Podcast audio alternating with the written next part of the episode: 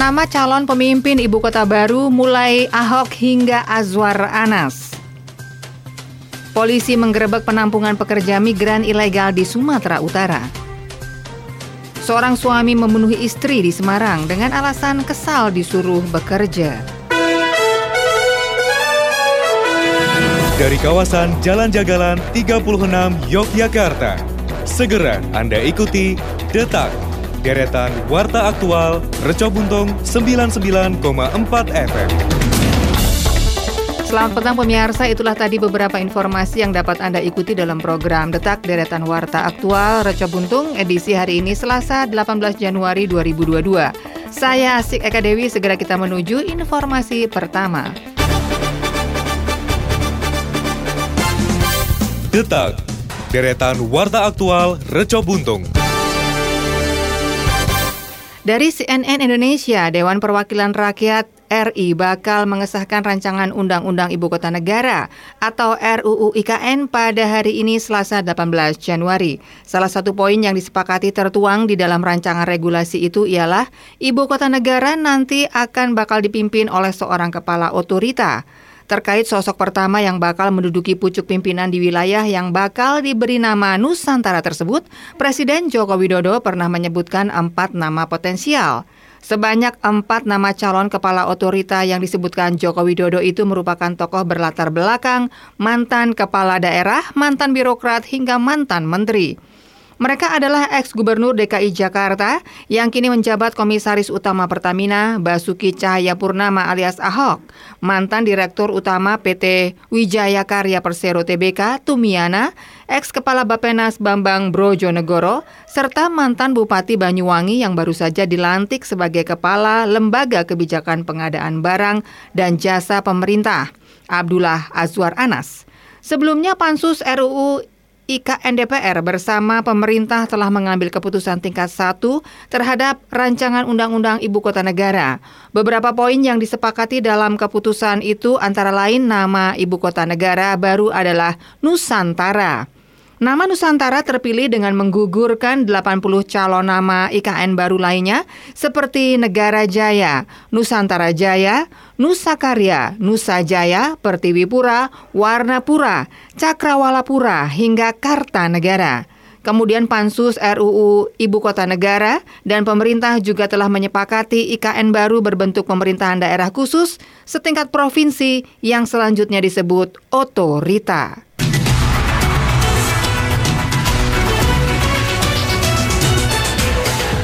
Pemirsa Polres Tanjung Balai, Sumatera Utara menggerebek dua lokasi penampungan pekerja migran Indonesia ilegal di kota Tanjung Balai. Dalam penggerebekan itu diamankan 11 orang calon pekerja dan pemilik rumah penampungan berinisial R. Demikian dijelaskan Kabit Humas Polda Sumut Kombes Polisi Hadi Wahyudi Senin 17 Januari. Hadi menyebutkan penggerebekan itu dilakukan antara lain di Jalan HM Nur Kelurahan Pahang, Kecamatan Datu Bandar. Polisi masih menyelidiki kasus itu termasuk agen dari para pekerja juga akan diburu. Para pekerja ilegal itu rencananya akan diberangkatkan besok ke Malaysia.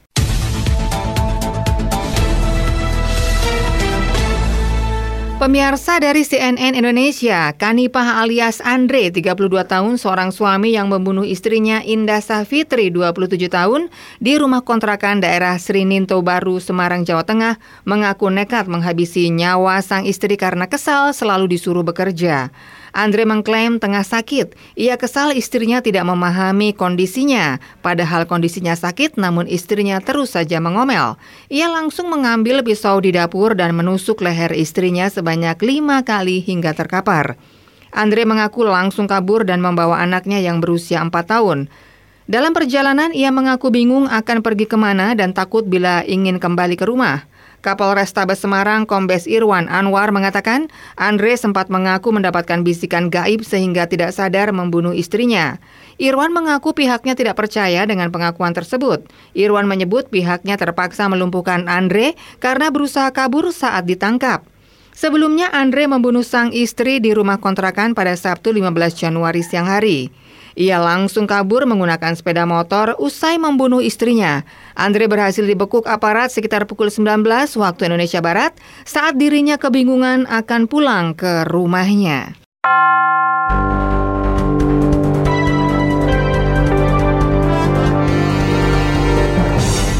Pemirsa waspada virus corona.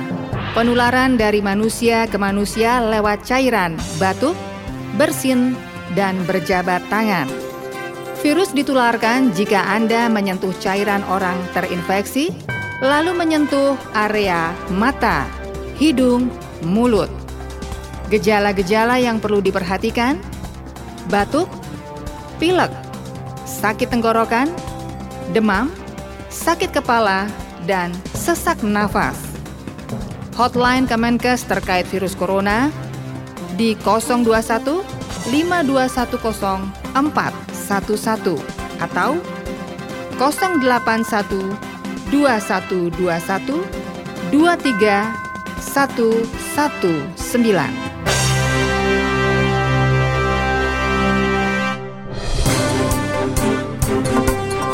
Pemirsa, kita hentikan sejenak detak reca buntung untuk kita ikuti kumandang adzan maghrib untuk daerah istimewa Yogyakarta dan sekitarnya.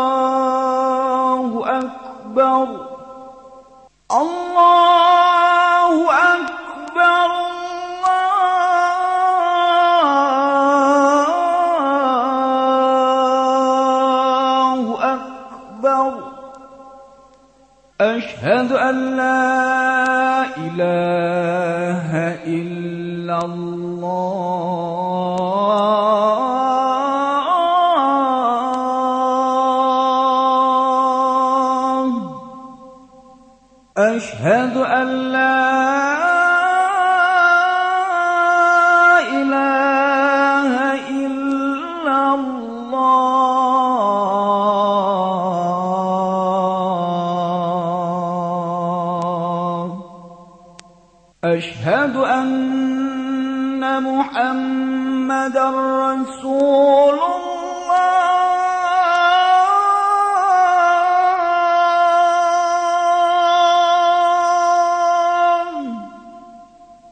أشهد أن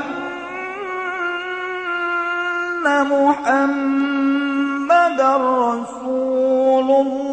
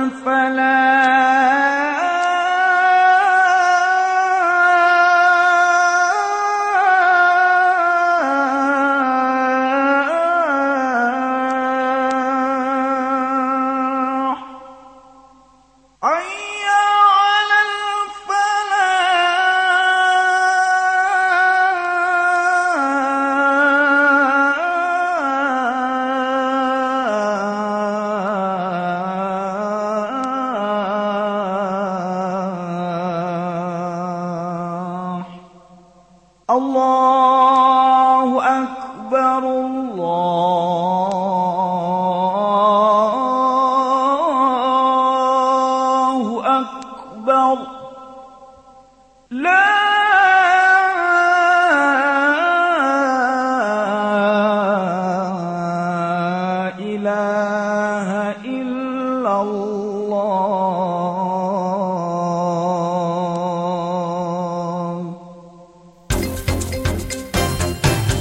Pemirsa, kembali Anda ikuti Detak, deretan Warta Aktual Reca Buntung. Detak, deretan Warta Aktual Reca Buntung.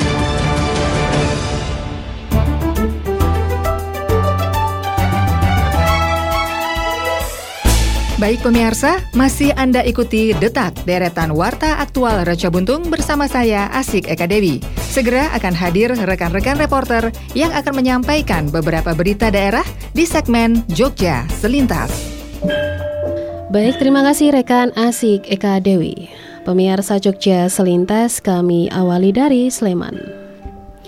Dikutip dari Tribun Jogja.com, Seorang pemuda berinisial HA, 26 tahun, warga Sumatera Barat, dikeroyok lima orang di Jalan Magelang Sinduadi Melati, Kabupaten Sleman. Peristiwa itu terjadi pada Kamis 12 Januari dini hari, pukul 3 lebih 15 waktu Indonesia Barat. Akibatnya korban menderita luka parah di bagian kepala dan harus mendapat perawatan intensif di rumah sakit. Menurut keterangan polisi, pengeroyokan tersebut diawali cekcok karena serempetan motor di jalan. Kapolsek Melati Kompol Tony Prianto menceritakan kejadian bermula ketika korban dan seorang pelaku perempuan berinisial DS 30 tahun warga Yogyakarta serempetan motor di Jalan Magelang, tepatnya di simpang 4 lampu merah Selokan Mataram. Akibat serempetan tersebut, motor pelaku oleng dan jatuh ke kiri. Korban setelah serempetan tersebut menghentikan laju sepeda motornya. Saat itu terjadi cekcok mulut antara pelaku dan juga korban. Kemudian pelaku mengambil kunci sepeda motor korban dan terjadilah pertengkaran yang sempat memicu perhatian pengendara yang melintas. Korban berusaha mengambil kembali kunci sepeda motornya, namun pelaku menahan tidak diperbolehkan. Bahkan korban sempat diteriaki jambret. Korban saat itu terus berusaha untuk merebut kuncinya. Sang pelaku kemudian menelpon teman-temannya dan memberitahukan bahwa dirinya diserempet orang. Sesaat kemudian datang empat orang pelaku lainnya yaitu PRM 28 tahun, BDS 36 tahun, dan RIK 29 tahun. Ketiganya adalah warga Yogyakarta dan satu pelaku berinisial IPK 28 tahun, warga Pakem, Sleman. Ketika tiba di lokasi, satu orang di antara empat pelaku tersebut langsung memukul korban. Perkelahian pun terjadi. Korban yang merasa tidak bersalah berusaha melawan dengan melayangkan pukulan balasan. Namun pukulan korban justru mengenai rekan pelaku. Rekan pelaku yang awalnya hendak melerai insiden tersebut akhirnya ikut memukul dan korban dikeroyok. Dengan sisa tenaga, korban berusaha bangkit setelah ditabrak oleh sepeda motor. Namun rombongan pelaku terus memukuli korban hingga babak belur. Korban yang sudah tak berdaya karena darah terus mengalir akhirnya tergeletak di jalan. Petugas kepolisian yang mengetahui kejadian tersebut datang dan membawa korban ke rumah sakit untuk mendapatkan pertolongan medis. Kelima pelaku berhasil ditangkap di wilayah Pakem dan Yogyakarta sehari setelah peristiwa terjadi. Kepada para pelaku disangka telah melanggar pasal 170 KUHP pidana atau pasal 351 KUH pidana dengan ancaman hukuman 9 tahun penjara atau 5 tahun penjara. Di hadapan petugas dan awak media pun, pelaku DS mengaku sengaja menelpon teman-temannya agar korban mau bertanggung jawab. Pemirsa kita beralih ke Kulon Progo. Masih dari Tribun Jogja.com, kecelakaan lalu lintas atau laka lantas terjadi di Dusun Dawetan, Kalurahan Banjarharjo, Kapanewon Kalibawang, Kabupaten Kulon Progo pada Senin kemarin. Laka lantas tersebut mengakibatkan satu unit mobil pickup berwarna putih dengan nopol AA1780VB terjun ke dalam saluran irigasi Intek Kalibawang. Beruntung tidak ada korban jiwa dalam laka lantas tersebut. Pengemudi beserta keponakannya yang merupakan warga setempat hanya mengalami luka lecet. Tukijan, 58 tahun, sang pengemudi mobil menjelaskan laka lantas bermula ketika dirinya merasa mengantuk sehingga menyebabkan mobil yang dikemudikannya yang akan menuju ke arah Magelang langsung belok ke kiri dan menabrak pembatas jembatan. Usai menabrak mobil pickup tersebut terjun ke saluran irigasi. Dari kejadian tersebut, kabin bagian depan mobil ringsek. Koordinator Relawan Jajaran Progo Menoreh atau CPM, Mantri mengatakan pihaknya yang menyediakan atau menyiapkan sejumlah peralatan untuk proses evakuasi bodi mobil yang terjun ke saluran irigasi. Proses evakuasi bodi mobil tidak menemui kendala yang berarti. Menurutnya, kontur jalan yang halus dan berliku menyebabkan rawan terjadinya kecelakaan. Demikian pemirsa informasi dari Sleman dan Kulon Progo. Saya Meda Mara dan kita akan berlanjut ke berita dari Kota Yogyakarta bersama rekan dari Pradita. Silakan dari. Terima kasih Meda Mara. Pendengar Wali Kota Yogyakarta Haryadi Suyuti menyatakan tidak akan menunda rencana pemindahan PKL Malioboro. Hal ini disampaikan Wali Kota Yogyakarta pada Senin 17 Januari 2022. Pihaknya menyatakan Penataan pedagang kaki lima di sepanjang Malioboro sudah direncanakan cukup lama. Wali kota juga menyatakan bahwa saat ini yang dibutuhkan para PKL Malioboro bukan penundaan, tetapi memastikan mereka mendapatkan konsumen saat dipindahkan. Pihaknya juga menyatakan bahwa lokasi penempatan bagi para PKL tersebut diharapkan justru menjadi sentra-sentra baru baik yang berada di bioskop Indra maupun di shelter bekas kantor Dinas Pariwisata DIY. Berikut petikan penjelasan Wali Kota Yogyakarta Haryadi Suyuti. Mau diundur tiga tahun toh nanti pada saatnya juga sama. Hmm, penataan juga. Eh, ya. Saya kira sesuatu apa dua. Yang penting itu adalah keramaiannya. Ya. Kejaminan terhadap market konsumen ya kan mereka kan produsen dalam memjual sesuatu memang menjual sesuatu orang no pasar yo iya. nah tanggung jawab saya adalah menciptakan market pasar Haryadi Suyuti juga menyatakan bahwa pihaknya juga akan berupaya agar lokasi yang baru bagi para PKL Malioboro akan ramai. Untuk itu pihaknya akan membuat promosi-promosi agar lokasi yang baru tetap didatangi wisatawan.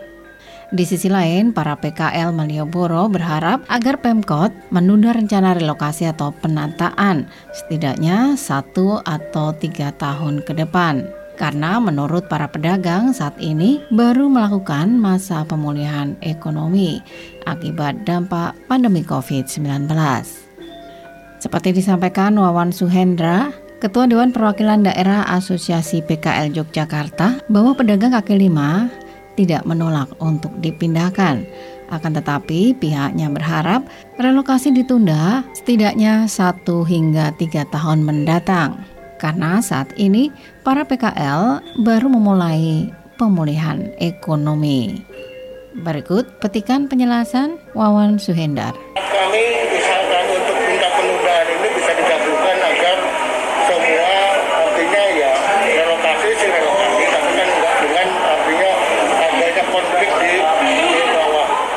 Sementara itu, Ketua DPRD Kota Yogyakarta Danang Rudat Moko saat menerima para peserta aksi PKL Malioboro di gedung DPRD Kota Yogyakarta menyatakan terkait permasalahan ini DPRD Kota Yogyakarta akan membentuk pansus sehingga nantinya akan terbuka dialog antara semua pihak. Berikut petikan penjelasan Danang Rudiat Moko.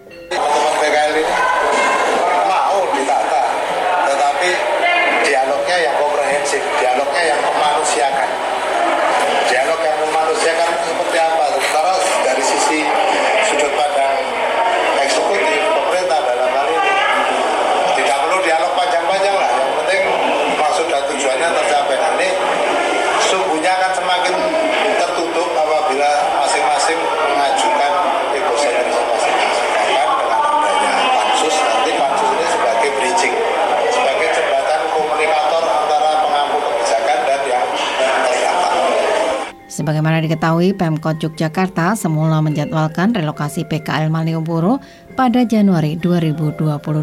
Namun diperkirakan akan mundur pada bulan Februari 2022. Demikian informasi dari Kota Yogyakarta, saya dari Pradita. Segera kita menuju ke rekan Widya kita.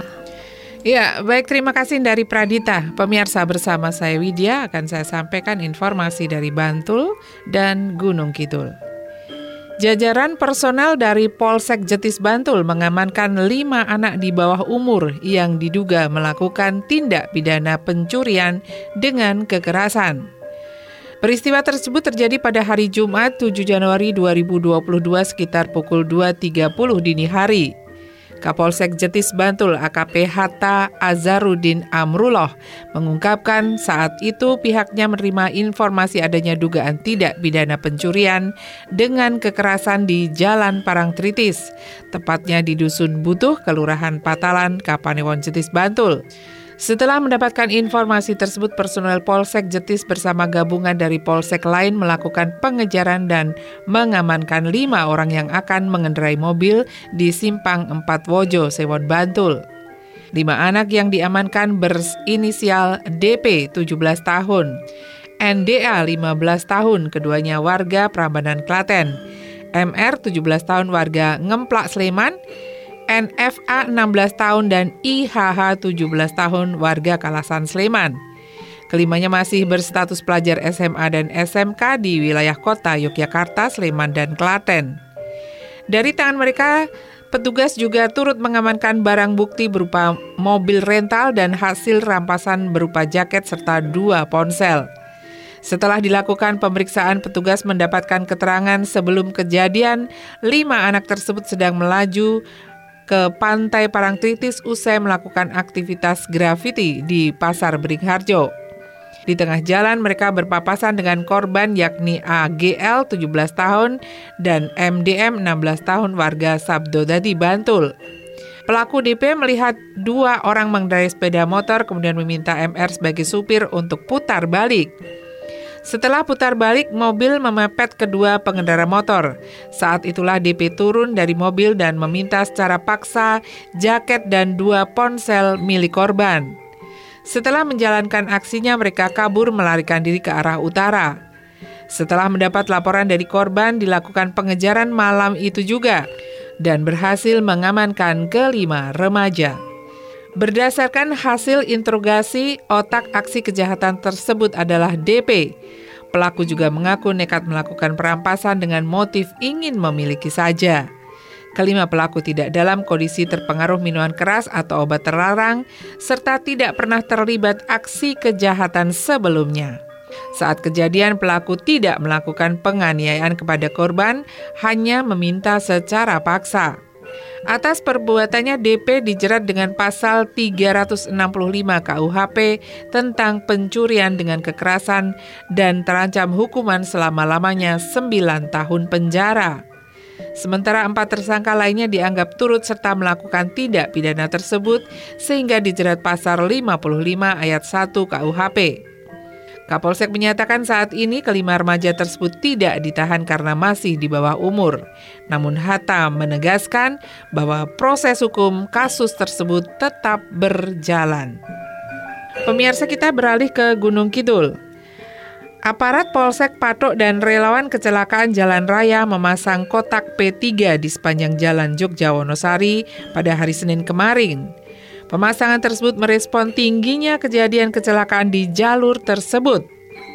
Kanit Penegakan Hukum Satlantas Polres Gunung Kidul Ibtu Darmadi membenarkan bahwa kejadian laka terbilang tinggi, bahkan mendominasi kasus laka Gunung Kidul sepanjang 2021. Hampir 30 persen laka terjadi di Jalan Jogja Wonosari di wilayah Patok. Darmadi mengatakan pihaknya melakukan berbagai upaya untuk meminimalisir kejadian laka di jalur tengkorak tersebut. Mereka berkoordinasi dengan unit keamanan dan keselamatan. Salah satu upaya yang dilakukan adalah dengan memasang spanduk imbauan agar pengguna jalan lebih waspada. Sosialisasi ke masyarakat juga gencar dilakukan termasuk ke sekolah-sekolah. Koordinator RKJR Ngatijo alias Eto sebelumnya mengatakan bahwa jalur tersebut menjadi sangat rawan karena terbilang padat. Kepadatan terutama terjadi pada saat pagi hari dan sore hari serta di akhir pekan. Kejadian laka lebih banyak disebabkan oleh faktor kesalahan manusia, Terlebih saat pagi dan sore hari, pengguna jalan didominasi oleh pelajar dan pekerja yang sering ngebut. Pemasangan kotak P3K pada tahap awal ada di empat titik. Kanit Lantas Polsek Pantuk AKP Kusnan Priyono menyampaikan bahwa kejadian laka terjadi kembali di Jalan Jogja Wonosari pada hari tersebut. Pengendara motor Koirul 45 tahun yang jatuh terpeleset di jalan yang menikung yang kemudian tertabrak mobil yang dikendarai Adrianto Krisnawan 38 tahun. Koirul meninggal dunia setelah dilarikan ke RSUD Wonosari. Penanganan perkara laka sudah dilimpahkan ke unit laka Polres Gunung Kidul.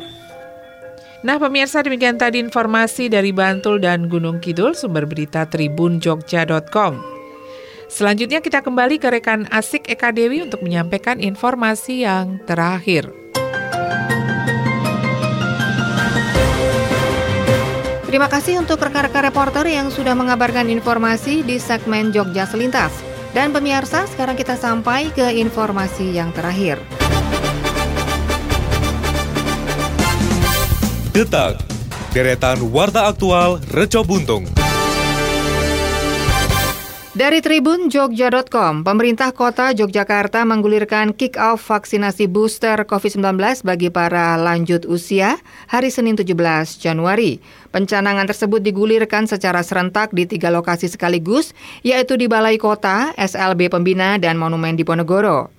Wali Kota Yogyakarta Haryadi Suyuti mengatakan total sasaran lansia yang bakal mendapatkan booster di wilayahnya berada di angka 57.240 jiwa. Akan tetapi sampai sejauh ini belum semuanya bisa mendapatkan injeksi vaksin dosis ketiga karena belum terdaftar di aplikasi Peduli Lindungi. Ia pun menandaskan dalam kick-off ini sedikitnya 3.600 penduduk kota Yogyakarta terinjeksi vaksin booster. Menurutnya permulaan tersebut menjadi penanda dimulainya gerakan kelanjutan itu secara massal, khususnya bagi kalangan lansia yang menjadi prioritas utama pemerintah kota Yogyakarta.